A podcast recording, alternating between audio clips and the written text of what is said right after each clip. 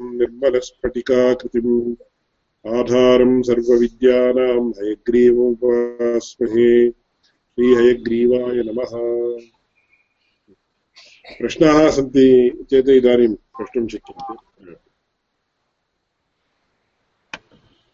पुनः तथैव प्रश्नः स एव प्रश्नः। दृश्यते वा? स्क्रीन् शेर् कुर्वन् अस्मि। इदानीं दृश्यते दृश्यते। बुलेट्स् पश्यन्तु।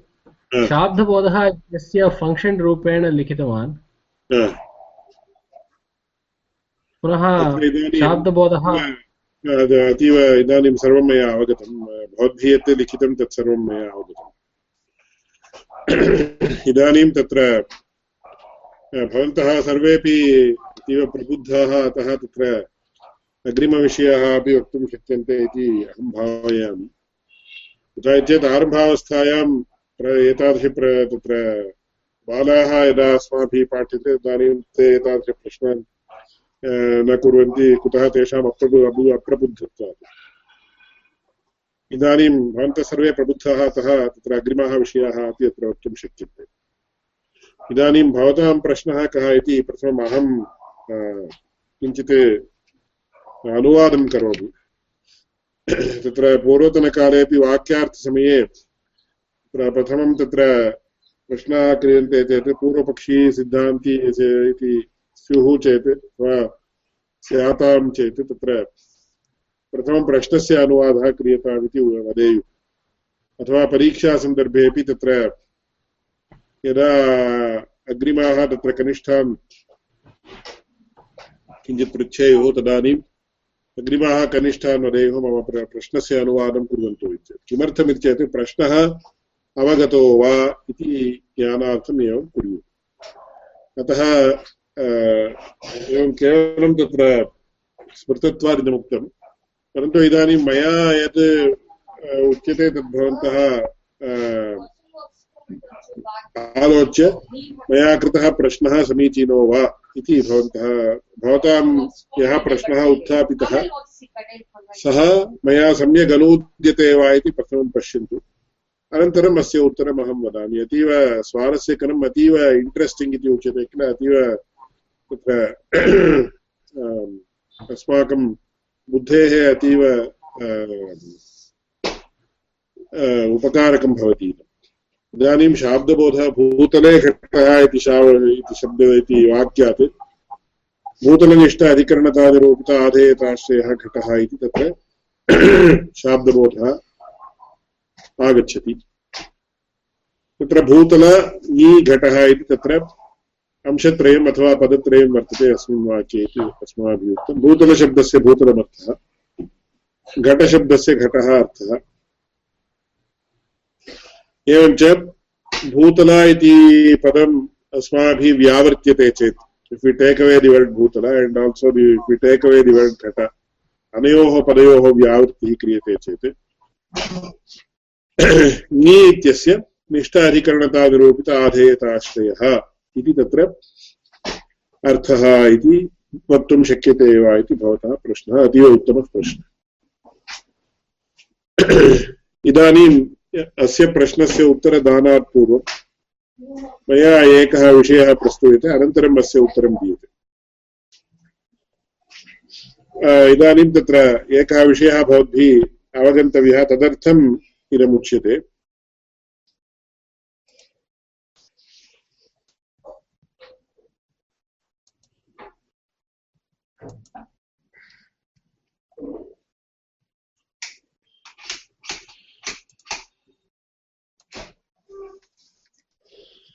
इदानीं स्लैड् दृश्यते वा न दृश्यते इदानीम् इदानीं इदानीम् अत्र भूतले घटः इति वाक्यं खलु भवद्भिः अस्माभिः स्वीकृतं तत्र भवद्भिः उत्तरं देयं यदा मध्ये उत्तरं दीयते तदनुसृत्य अहम् अग्रे वदामि भूतले घटः इति वाक्यम् अस्माभिः स्वीकृतम् इदानीं भूतलपदस्य भूतलमर्थः सप्तम्याः अधिकरणत्वमर्थः इति इदानीं स्वीक्रियते अधिकरणतायाः घटे केन सम्बन्धेन अन्वयः इति वयं पृच्छामः। इदानीं भूतल, भूतलम् इति उक्तं। भूतलपदस्य अधिकरणतायां केन सम्बन्धेन अन्वयः इति वयं पृच्छामः। इत्येतत् भूतलस्य अधिकरणतायाश्च कः सम्बन्धः? इति पृच्छामश्चेत् निष्ठत्वं सम्बन्धः इति प्राचीनकाले उच्यते स्म। अथवा आधेयतासम्बन्धेन अन्वयः इति। आधेयतासम्बन्धेन अन्वयः चेत् पुनः अस्माभिः कन्फ्यूषन् न कर्तव्यम्। भूतले अधिकरणता वर्तते इति यदा अस्माभिः एकं वाक्यं प्रयुज्यते। यथा भूतले घटः इति वाक्यं प्रयुज्यते चेत् तदानीं घटः भूतले आधेयः भूतलं घटस्य अधिकरणम् इत्यर्थः भवति वा न वा? भवति। भवति। एवमेव भूतले अधिकरणता वर्तते इति यदा अस्माभिः उच्यते तदानीं भूतलम् अधिकरणम् अधिकरणता आधेया भवति। अट् दि सेकेण्ड् लेवेल् अस्तु। अतः भूतलस्य अधिकरणतायाश्च कः सम्बन्धः इति चेत् आधेयत्वं सम्बन्धः अथवा निष्ठत्वं सम्बन्धः इति उच्यते। अट् दि सेकेण्ड् लेवेल् एवञ्च भूतलनिष्ठा अधिकरणता इति। अयम् अंशः एतावत्पर्यन्तं मया न प्रस्तुतः। भूतलस्य अधिकरणतायाश्च आधेयत्वं सम्बन्धः। पुनः तत्रापि निष्ठा, अधिकरणता, निरूपिता, आधेयताश्रयः इत्यपि सर्वं वक्तुं शक्यते तत्रापि। एवञ्च भूतलनिष्ठा अधिकरणता इति कथम् आगतम् इति चेत् भूतले अधिकरणता वर्तते इति कथनात् भूतलनिष्ठा अधिकरणता इति आगतम्। एतत् स्पष्टं वा? स्पष्टम्। स्पष्टम् अधिकरणता केन सम्बन्धेन घटे वर्तते इति चेत् तत्र यदि भवन्तः एतत् ग्रीन् एरो पश्यन्ति तदानीम् अस्माभिः उच्यते निरूपकतासम्बन्धेन वर्तते इति उच्यते। निरूपकम् इति यदा उच्यते निरूपकत्वं सम्बन्धः भवति। ज्ञायते वा? ज्ञायते। एवञ्च एतेन अस्माभिः प्राप्यमानः शाब्दबोधः कः भूतलनिष्ठ अधिकरणतानिरूपकः घटः। एवञ्च भूतलस्य अधिकरणतायाश्च निष्ठत्वं सम्बन्धः। अधिकरणतायाः घटस्य च निरूपकत्वं सम्बन्धः। एवं ग्रीन् एरो मध्ये गम्यते चेत्। एवञ्च भूतलनिष्ठ अधिकरणतानिरूपको घटः इति तत्र अस्माभिः शाब्दबोधः प्राप्तः। तत्र सन्देहः अस्ति वा? नास्ति अवगम्यते। नास्ति। अस्य निरूपकत्वस्य एक्स्पान्शन् क्रियते चेत्।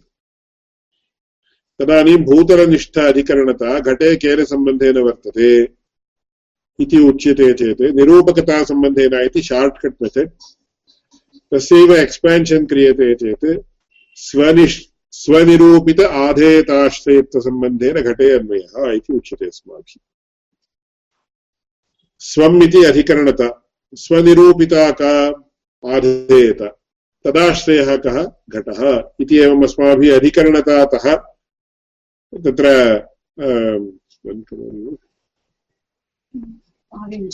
आरेञ्ज् एरो स्वीक्रियते चेत् आरेञ्ज् एरो स्वीकृत्य आधेयतापर्यन्तं गत्वा पुनः आधेयतः आधेयतातः घटपर्यन्तं ब्लू एरो मध्ये गम्यते चेत् अस्माभिः किं ज्ञायते?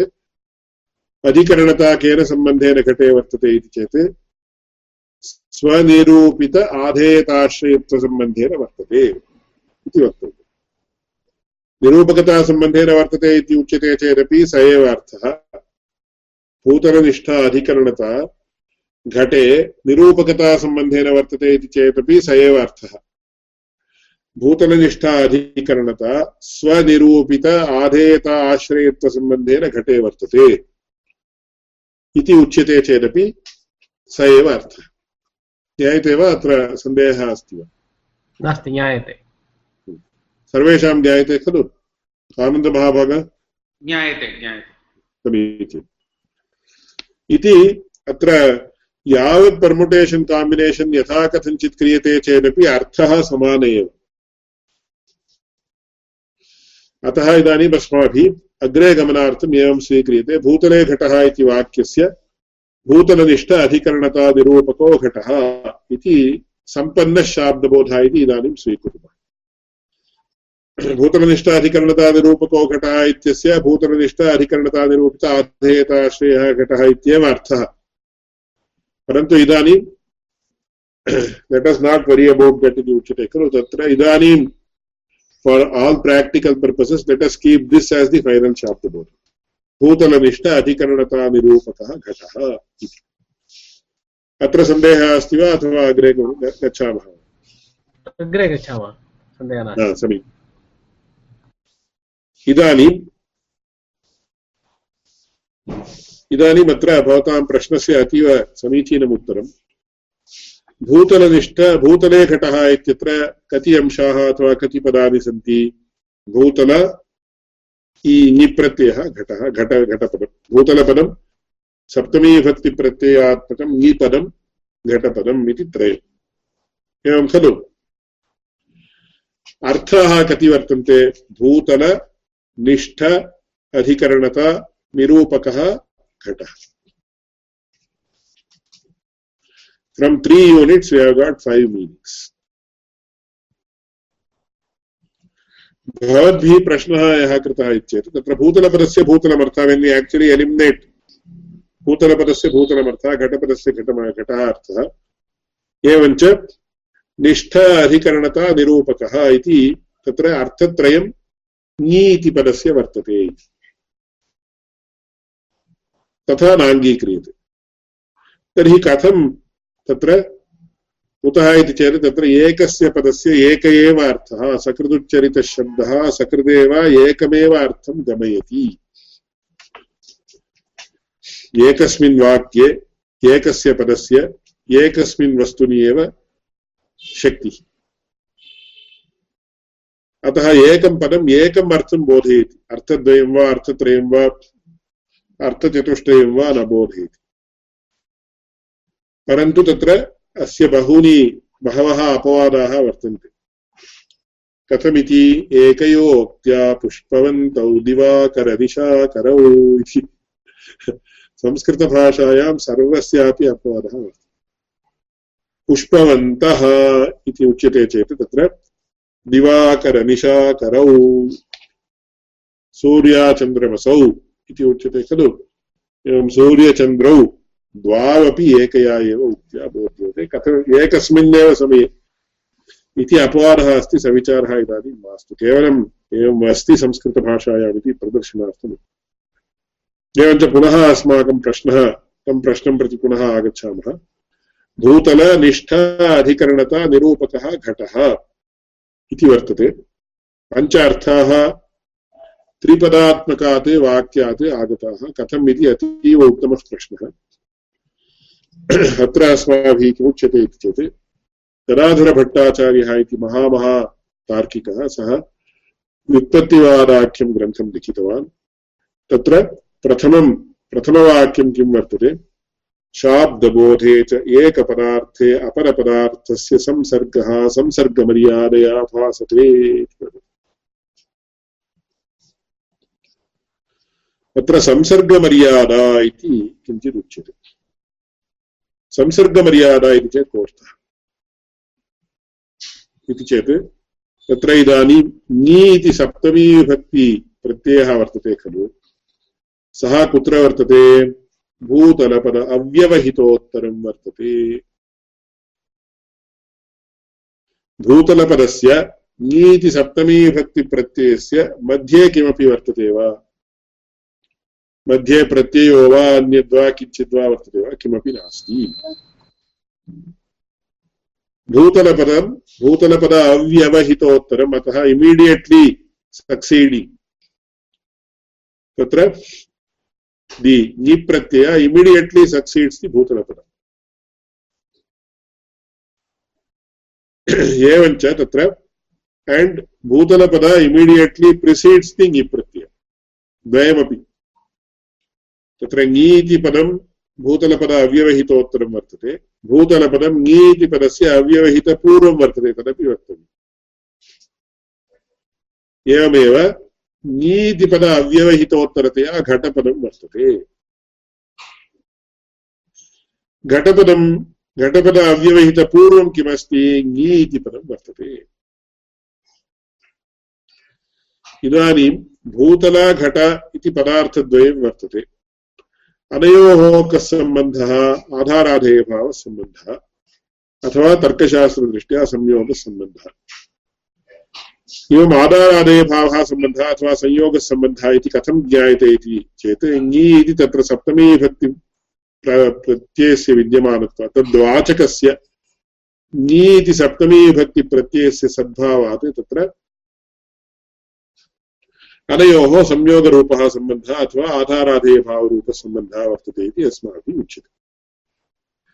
इति चेत् this is a primary relationship इति आङ्ग्लभाषायां वक्तुं शक्यते। घटस्य, भूतलस्य च संयोगः सम्बन्धः। अथवा आधाराधेयभावकृतः संयोगः संयोगकृतः आधाराधेयभावः यथा कथञ्चित् भवतु। This is a primary relationship which is directly denoted by a word परन्तु भूतले अधिकरणता वर्तते इति अपि वक्तुं शक्यते किल अस्माभिः? तदानीम् अधिकरणता इति भूतलम् इति अनयोः पुनः आधाराधेयभावः आगतः। भूतलस्य अधिकरणतायाश्च। अयम् आधाराधेयभावः भूतलस्य अधिकरणतायाश्च यः आधाराधेयभावः वर्तते, सः केनचित् शब्देन ज्ञाप्यते वा? Is there any specific word that is heard by us to denote the adharadheya bhava that exists between the bhutala and the adhikaranata तद्वाचनार्थं किमपि पदं वर्तते वा इति चेत् नास्ति न वर्तते अयम् आधाराधेय भूतलस्य अधिकरणतायाश्च यः आधाराधेयभावः वर्तते तत् कथम् अस्माभिः ज्ञायते। तत् तदेव निष्ठा इति शब्देन अत्र शाब्दबोधवर्णनावसरे निष्ठा इति शब्देन उच्यते। भूतलनिष्ठा अधिकरणता एतादृशनिष्ठत्वम् अथवा भूतलस्य अधिकरणतायाश्च विद्यमानः यः आधाराधेयभावः सः कथं ज्ञाप्यते इति चेत् संसर्गमर्यादया भासते। संसर्गमर्यादा इति तस्य नाम।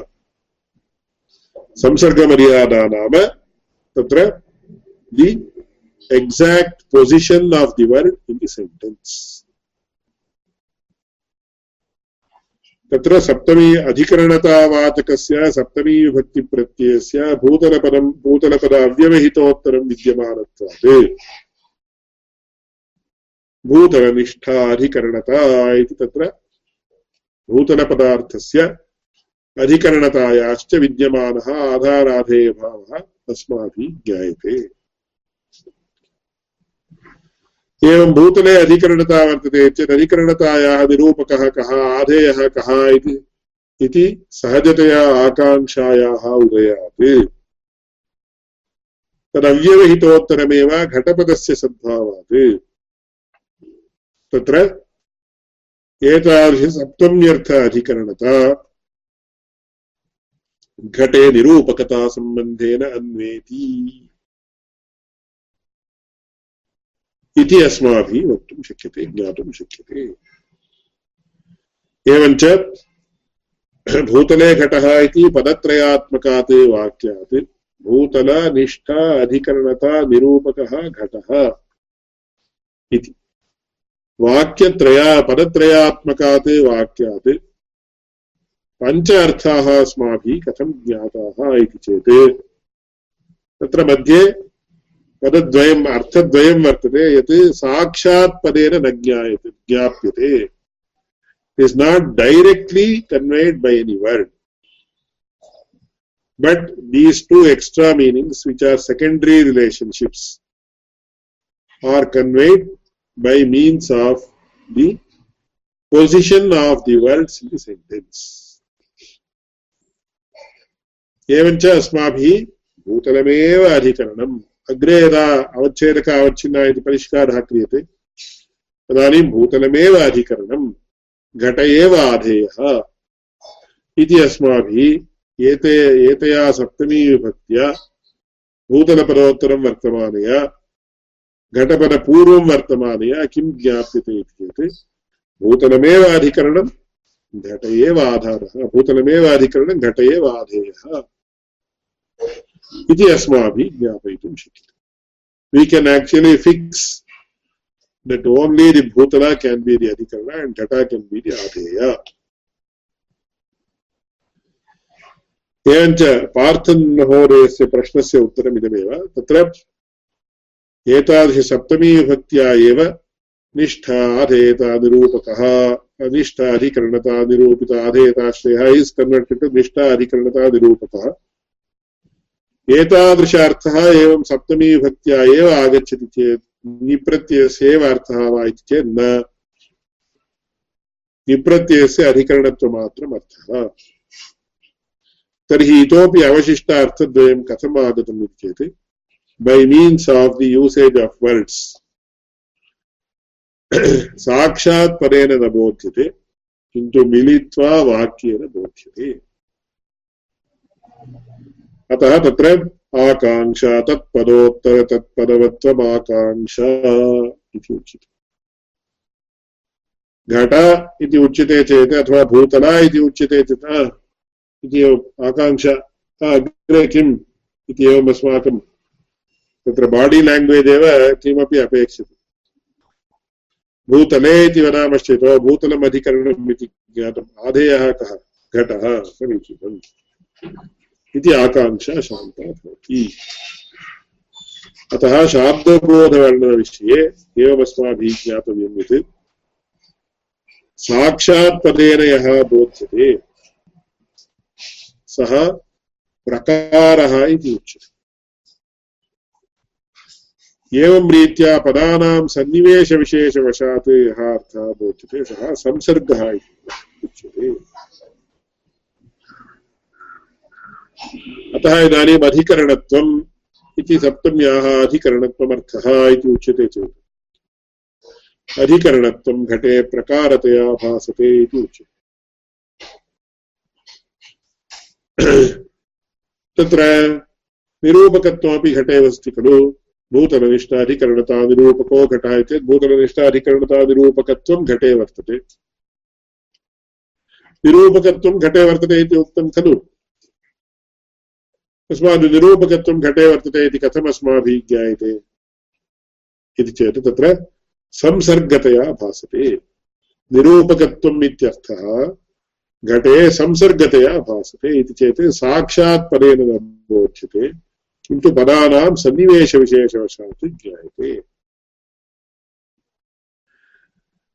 Therefore, the position of the pratyaya or word is very important in the sentence. यदि अस्माभिः घटे घटः भूतले इति उच्यते इति चिन्त्यताम् घटः भूतले इति कश्चित् वाक्यं प्रयुङ्क्ते।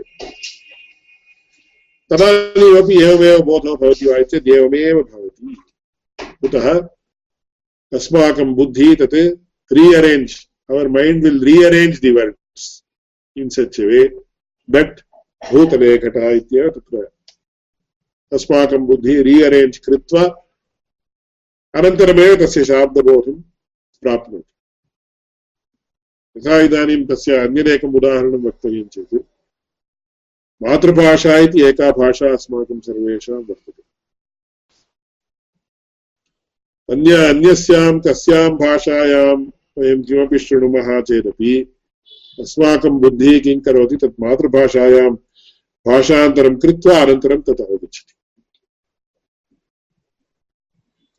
तत्र विनोदार्थम् उच्यते स्म, तत्र तेनालीरामकृष्णः इति, तत्र विजयनगरसाम्राज्ये कृष्णदेवरायस्य तत्र मन्त्री आसीत् अथवा तत्र विदूषकः आसीत् इति उच्यते। सः बहुभाषा अभिज्ञः। सर्वास्वपि भाषासु निरर्गलतया सः वार्तालापादिकं भाषणादिकं करोति स्म इदानीं कैश्चित् पृष्टं भवतः मा मातृभाषा का इति सर्वापि मातृभाषा सर्वापि मातृभाषा न भवितुमर्हति इति थियरि तदा एकेन किमुक्तं किं कृतम् इति चेत् तत्र रामकृष्णस्य विषये इति केचित् वदन्ति अन्यस्य कस्यचित् विषये रामकृष्णेन कृतम् इति केचित् वदन्ति यथा कथञ्चित् भवति। यदा सः सुप्तः आसीत्, तदानीं तस्य एकं तत्र पटं नूल् पटं स्वीकृत्य एवं तस्य कर्णरन्ध्रस्य अन्तः किञ्चित् एवम् एवं कृतं तदानीं तेन दोङ्गा कुडुक एवर्रा इति उक्तमिति वदन्ति किंचन निन्दात्मकं प्रयुज्य यार्डा इति वयं वदामः खलु तदानीं तेलुगुभाषा अस्ति मातृभाषा इति ज्ञातम् अतः तत्र इदं सर्वम् एतादृश अस्मत्पितृचरणैः असकृत् उच्यते शाब्दबोधविषये ज्ञातव्याः तावन्तः अंशाः सन्ति। It is it has the components of brain mapping एवं तत्र सैकालजि अंशाः वर्तन्ते लिङ्ग्विस्टिक्स् इति बृहत् फील्ड् एकं वर्तते। तत्र शाब्दबोधविचाराः ये अस्माकं शास्त्रज्ञैः प्रस्तुताः, ते सर्वे बहुधा तत्र उपायनं दातुं प्रभवन्ति। इति बहुधा अस्माकं उच्यते। सैकोलिङ्ग्विस्टिक्स् इति कथं तत्र अस्माकं बुद्धिः लाङ्ग्वेज् आगच्छति भाषाम् आगच्छति? इति चेत् एवमेव अवगच्छति इति अस्माकं पूर्वदैः तत्र इदानीं भूतले घटः इति वाक् इदानीं पार्थमहाभागस्य प्रश्नः प्रश्नस्य उत्तरम् आगतं वा? आगतं सम्यक् समीचीनम् अवगम्य अतः तत्र इमं विषयम् उक्त्वा समापयामि, तत्र इमं प्रकरणं समापयामि इदं प्रकरणं समापयामि। तत्र शाब्दबोधे च एकपदार्थे अपरपदार्थस्य संसर्गः संसर्गमर्यादया भासते इत्युक्ते गदाधरभट्टाचार्याणां व्युत्पत्तिवादस्य प्रथम, प्रथमं तत्र शाब्दबोधे च एकपदार्थे अपरपदार्थस्य संसर्गः इत्येतत् इदानीं भूतलेखटः इति वाक्यं स्वीकुर्मः चेत् ए इति ङिप्रत्ययं प्रत्ययः वर्तते सप्तमीविभक्तिप्रत्ययः तादृशसप्तमीविभक्तिप्रत्ययार्थे अधिकरणतायाम्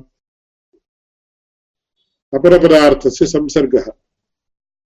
नाम भूतलपदार्थस्य संसर्गः, भूतलपदार्थस्य सम्बन्धः अस्ति। सः कथं भासते संसर्गमर्यादया भासते यत् पदानां सन्निवेशविशेषवशात्।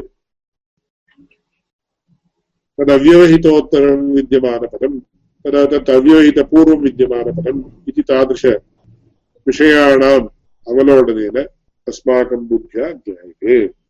शाब्दबोधे तत्र तद् सेकेण्डरी रिलेशन्शिप्स् याः वर्तन्ते यानि वर्तन्ते। तेषां बोधनार्थं पदं नास्ति।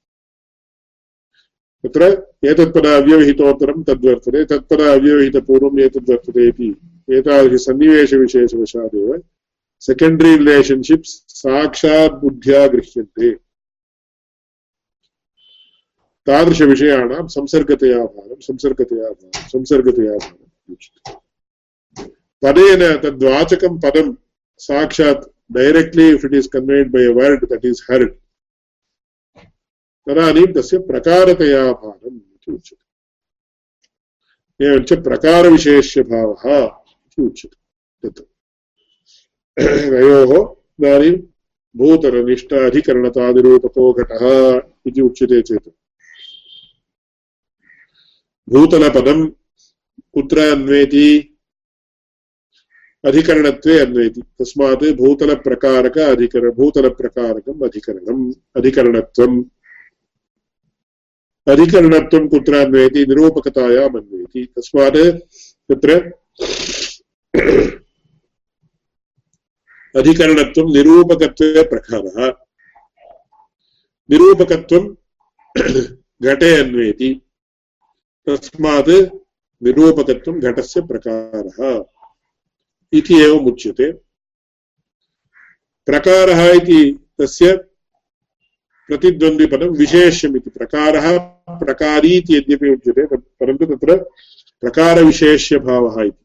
शब्दभेद, शब्दभेदः वर्तते चेदपि प्रकारी इत्यपि वक्तुं शक्यते, विशेष्यम् इत्यपि वक्तुं शक्यते। इदं नूतनतया प्रतिपाद्यमानं वर्तते, एतावत्पर्यन्तं न प्रतिपादितम्। इदानीं मया यदुक्तं शाब्दबोधविषयः यः उक्तः, सः इदानीं बेस्। एतदुपरि एव अस्माभिः भवननिर्माणं कर्तव्यमस्ति। अतः भूतले घटः इति विषयः अत्र षोढा यः शाब्दबोधः भवति भूतलप्रकारकघटविशेषकबोधः घटप्रकारकभूतलविशेषकबोधः त्रेधा त्रेधा, सर्वं सम्यक् अस्माकं मनसि स्थापितं भवेत्। तदानीमेव अस्माभिः अग्रे सर्वम् अवगन्तुं शक्यते। एतत् सर्वं स्थापितम् इति दृष्ट्या इदानीं नूतनतया विषयः उच्यमानः अस्ति।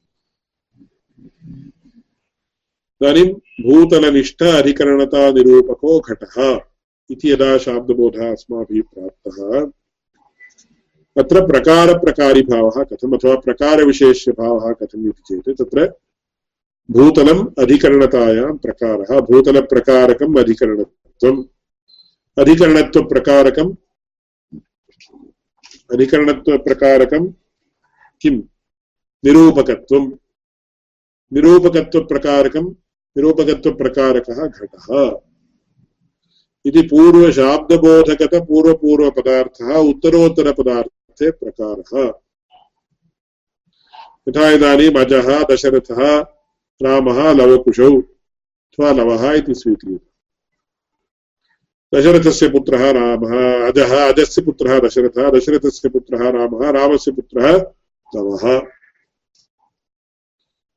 अस्य परिवर्तनं च क्रियते चेत् नवस्य पुत्रः, नवस्य पिता रामः, रामस्य पिता दशरथः, दशरथस्य पिता अजः। एवमेव अस्माभिः भूतले घटः इति वाक्ये भूतलं प्रकारः, कुत्र प्रकारः? अधिकरणत्वे प्रकारः कुत्र अन्वेति भूतल, भूतलपदम्?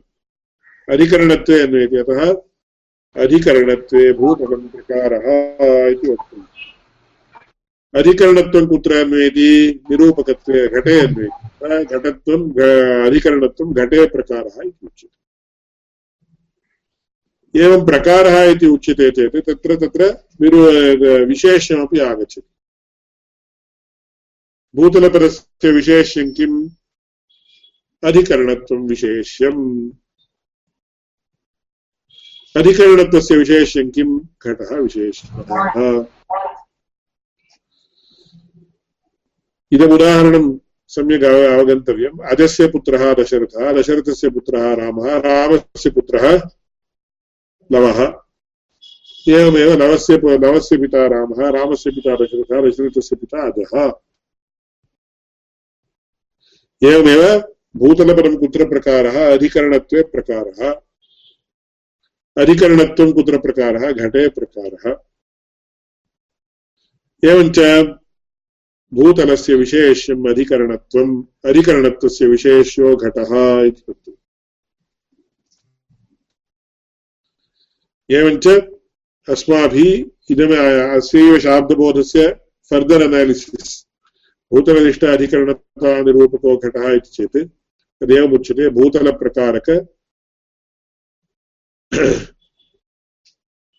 भूतलप्रकारक अधिकरणत्वप्रकारकघटविशेषकबोधः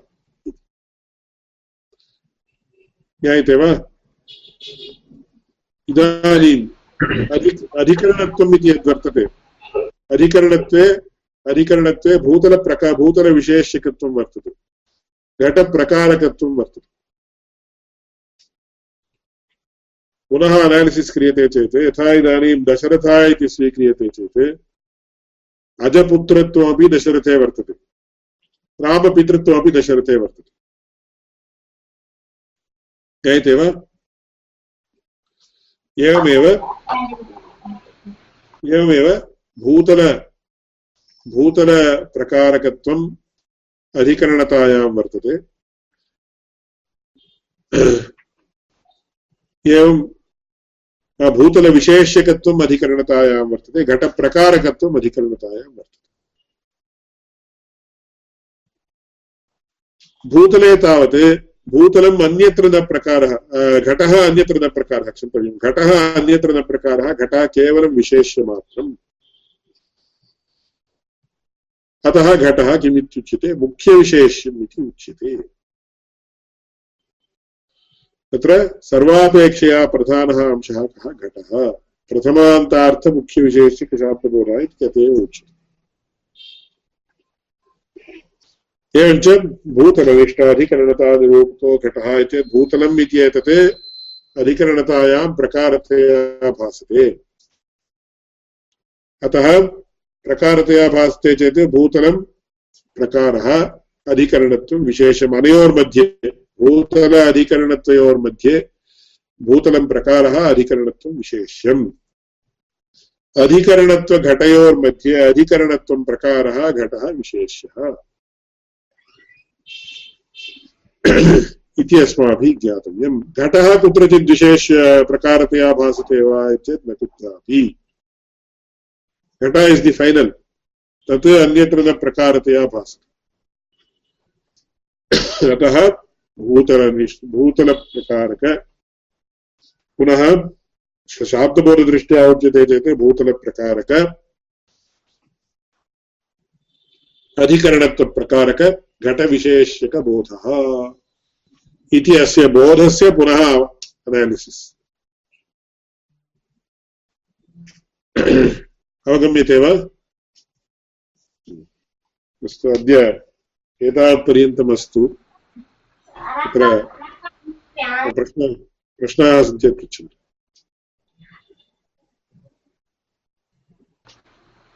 अवगम्यते, सम्यक्। धन्यवादः।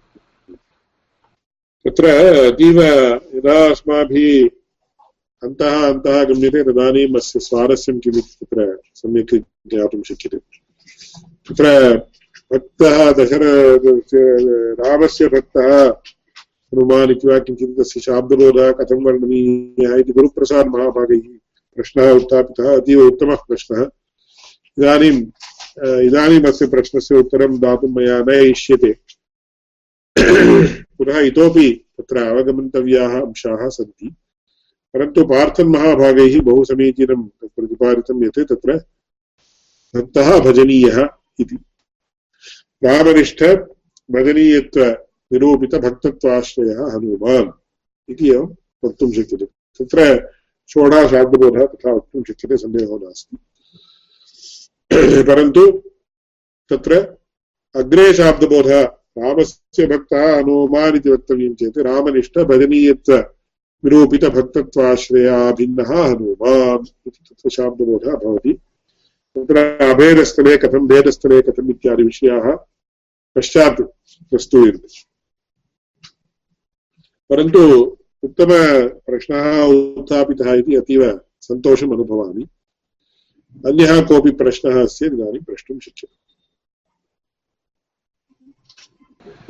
ह्यः तादर्थ्यचतुर्थी इत्यत्र क्लेशाय कल्पते इति उक्ते क्लेशाय इत्यस्य अर्थम्, अर्थः अपि तादर्थ्ये वा क्लेशाय कल्पते इति तत्र क्लेशजनकः इत्यस्मिन् अर्थे क्लेशाय कल्पते इति उक्तम्। तत्र कारकप्रकरणे तावत् अपवादाः बहवः सन्ति। यथा इदानीं ब्रह्मणो जिज्ञासा ब्रह्मजिज्ञासा ब्रह्मणः इति कर्मणि षष्ठी इति वर्तते ब्रह्मणो जिज्ञासा ब्रह्मजिज्ञासा चेत् ब्रह्मणः कर्मणि षष्ठी विभक्तिः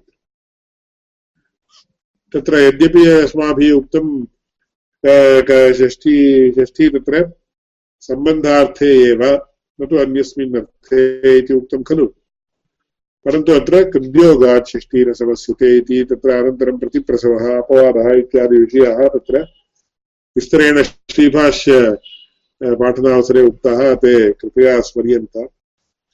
परन्तु तत्र पाणिनिमहर्षिणा उक्तत्वात् अस्माभिः तत्र तत्सर्वमपि बहु तत्र विषयाः सर्वे बहु बहवः वर्तन्ते तत्र। कृ सविषयकार्थधातुसमभिव्याहारे कर्मत्वं विषयतारूपम्। तद् अतः ब्रह्मविषयिणी जिज्ञासा इति कथं शाब्दबोधः वर्णनीयः, ब्रह्मणो जिज्ञासा, ब्रह्मजिज्ञासा इति नवीन्यायक्रमानुरोधेन तदानीं तत्र निष्कर्षः जायते। इदानीं भवद्भिः तत्र फिसिक्स् मध्ये किमपि कर्तव्यं तत्र किमपि तत्र मया तद्विषये किमपि न ज्ञायते, ज़ीरो, बिग् ज़ीरो अस्ति अहं तद्विषये। परन्तु भवद्भिः इण्टग्रेशन् कृत्वा कर्तव्यम् integral calculus please apply integral calculus you will get this इति उच्यते खलु।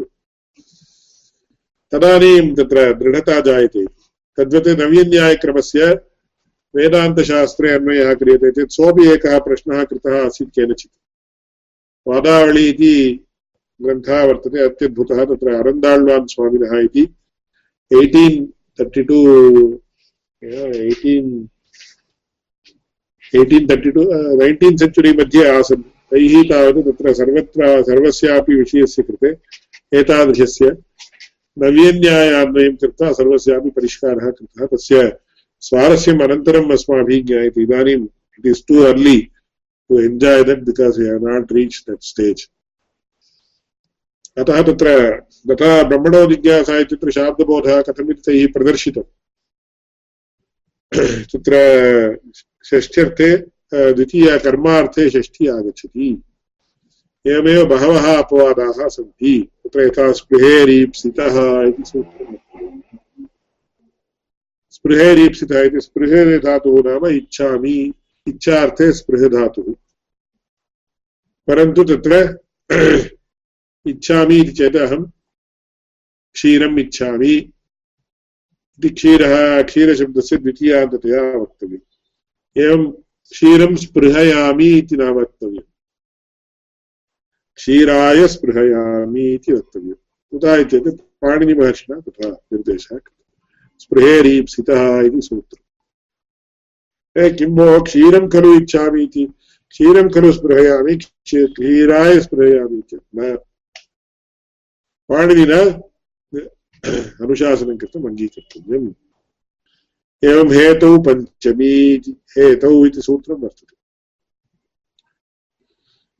तत्र मृदा घटः निर्मीयते इति कथनापेक्षया मृदः घटः निर्मीयते इति मृदा इति पञ्चमी विभक्त्यर्थम् हेत्वर्थे तत्र भवद्भिः पूर्वम् अपादाने पञ्चमी इति खलु उक्तम् मृदः घटः भवति तत्र अपादानं वा इति अपादानं किन्तु कारणं हेतुः इत्यस्मिन् अर्थे एव पञ्चमी विभक्तिः। अतः मृदः घटो जायते चेत् मृत् मृत् कारणं घटः। तत्र कार्यम्। पञ्चम्याः कारणत्वमर्थः। एवञ्च मृन्निष्ठकारणतानिरूपितकार्यताश्रयः घटः। मृदः घटः इत्यत्र शाब्दभूतः एकवारं शाब्दबोधप्रक्रिया अस्माभिः ज्ञायते चेत् सर्वत्र अन्वेतुं बुद्धिः प्रसरति। अस्माकम् एके सम्बन्धिनः आसन्। कस्यचित् बालकस्य सविधे नूतन स्क्रू ड्रैवर् लभ्यते चेत्। यत्र स्क्रू वर्तते इति दृष्ट्वा एवमेवं कर्तुं तत्र यतते सः। तद्वत् यदि अस्माभिः नवीनन्यायप्रक्रिया अनुस्रियते तरी तत्र सर्वत्रापि न वर्णनीयः इति अस्माकं बुद्धिः कार्यं करोति आरम्भावस्था एव समीचीनमेव तत्, न तत्र दोषः। परन्तु the language structures will become so strong in our mind it can be applied to any other field and it will train our mind to a very great extent यथा इदानीं मया एकम् उदाहरणं दीयते. क्रिकेट् क्रीडा वा भवतु, हाकी क्रीडा वा भवतु, टेनिस् वा भवतु, बास्केट् बाल् वा भवतु. यस्, या कापि क्रीडा भवति चेदपि फिसिकल् फिट्नेस् आवश्यकम्. अतः, तैः किमुच्यते you to do fifty situps twenty five एवम् एतत् सर्वं कर्तव्यं फार् फिसिकलि बीङ्ग् फिट् एतादृशी नवीनन्यायप्रक्रिया किं करोति चेत् बुद्धेः फिट्नेस् आपादयति। बुद्धेः फिट्नेस् आपादनद्वारा यस्मिन् कस्मिन्नपि विषयेपि अस्मान् प्रचोदयितुं, प्रवर्तयितुं सन्नद्धां करोति बुद्धिम् अतः तत्र अग्रे सर्वस्यापि शाब्दबोधः अस्माभिः वक्तुं शक्यते। एवं तदुपरि परिष्कारप्रक्रिया अवच्छेदक अवच्छिन्न सहिता कृता तत्र गदाधरभट्टाचार्याणां कालानन्तरम् अथवा तत्काले एव अलङ्कारशास्त्रार्थं वेदान्तशास्त्रार्थम् एवं व्याकरणशास्त्रार्थं मीमांसाशास्त्रार्थं सर्वेषु शास्त्रेषु नवीनन्यायप्रक्रियाद्वारा एव विवरणं प्रारब्धम् तत्र नागेशस्य परमलघुमञ्जूषा लघुमञ्जूषा इत्यादि ग्रन्थाः वर्तन्ते यत्र तर्कपरिष्काराः व्याकरणशास्त्रे अन्विताः दृश्यन्ते। अप्लिकेशन् आफ् नवीन्याय टु व्याकरणम्। खण्डदेवादिभिः कृतग्रन्थेषु अप्लिकेशन् आफ् नवीन्याय टु मीमांसा दृश्यते। रसगङ्गाधरादिग्रन्थेषु अप्लिकेशन् आफ् नवीन्याय टु अलङ्कारः दृश्यते। नवीन्यायशास्त्रं न ज्ञायते चेत् अलङ्कार रसगङ्गाधरस्य पाठः न कर्तुं शक्यते। अतः एतादृश ट्रेण्ड् आरब्धं नवीन्यायप्रक्रियया एव सर्वं वक्तव्यं। नो चेत् तत्र पण्डिताः न अनुमन्येरन्। एवं रीत्या नवीन्यायशास्त्रमहिमा वर्तते।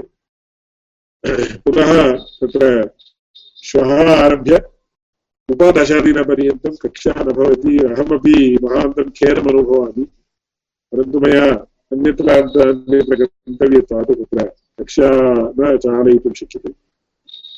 पुनः प्रायः प्रथमदिनाङ्के भवेत् इति मन्ये मध्ये प्रश्नाः सन्ति चेत् ईमेल् द्वारा भवन्तः सर्वं प्रेषयन्तु अहम् अवश्यं तेषाम् उत्तरं दातुम् इच्छामि। अथवा प्रयते तत्र दूरवाणीं कृत्वापि प्रश्नं कर्तुं शक्नुवन्ति, अथवा तत्र यदि अहं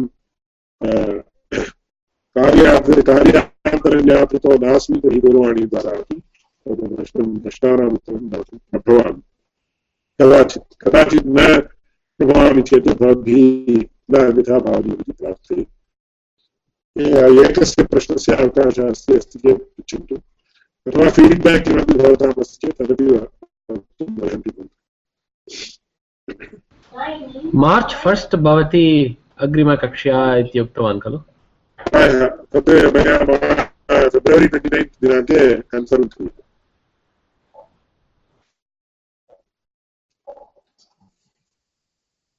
एते नूतनतया आगताः तेषां नामः मया न ज्ञायते द्रोण् इति। क्षम्यतां न आं स्वामी मम मम नाम द्रोणः। कुत्र सन्ति भवन्तः? अहं लास् एञ्जल्स् नगरे अस्मि अमेरिकादेशे। भवतां बेक्ग्रौण्ड् विषये किमपि ज्ञातुं स्वामी अहं नेपालदेशीय। अहम् अत्र अभ्यन्त्रिकी क्षेत्रे कार्यरतो अस्मि। अहं साफ्ट्वेर् डेवलप्मेण्ट् मध्ये कार्यं करोमि। संस्कृत संस्कृत अनुरागः अस्ति। किञ्चित् पठन् अस्मि तावदेव। Of all the technical terms इङ्गास्तः प्रेषणं बहु समीचीनम् अस्ति तदर्थं चिन्ता नास्ति स्वामिन् मम समीपे तत्र तत्र पी डी एफ् अपि अस्ति। यदि भवान् इच्छति चेत् अहं प्रेषयितुं शक्नोमि। अवश्यम् अवश्यम् इमेल् कुर्वन्तु अस्तु अस्तु करोमि। भवादृशाः अपि अत्र कक्षायाम् उपस्थिताः इति महान्तं सन्तोषम् अनुभवामि। अत्र मम अहोभाग्य अस्ति इति मन्ये स्वामी। अहं बहु किमपि इदानीं मया तावत् नेपाल् देशीयाः पञ्चजनाः पूर्वं पाठिताः। नेपा नेपालतः आगत्य अत्रैव स्थिताः कञ्चित् कालम् ओ एवम् एवम्।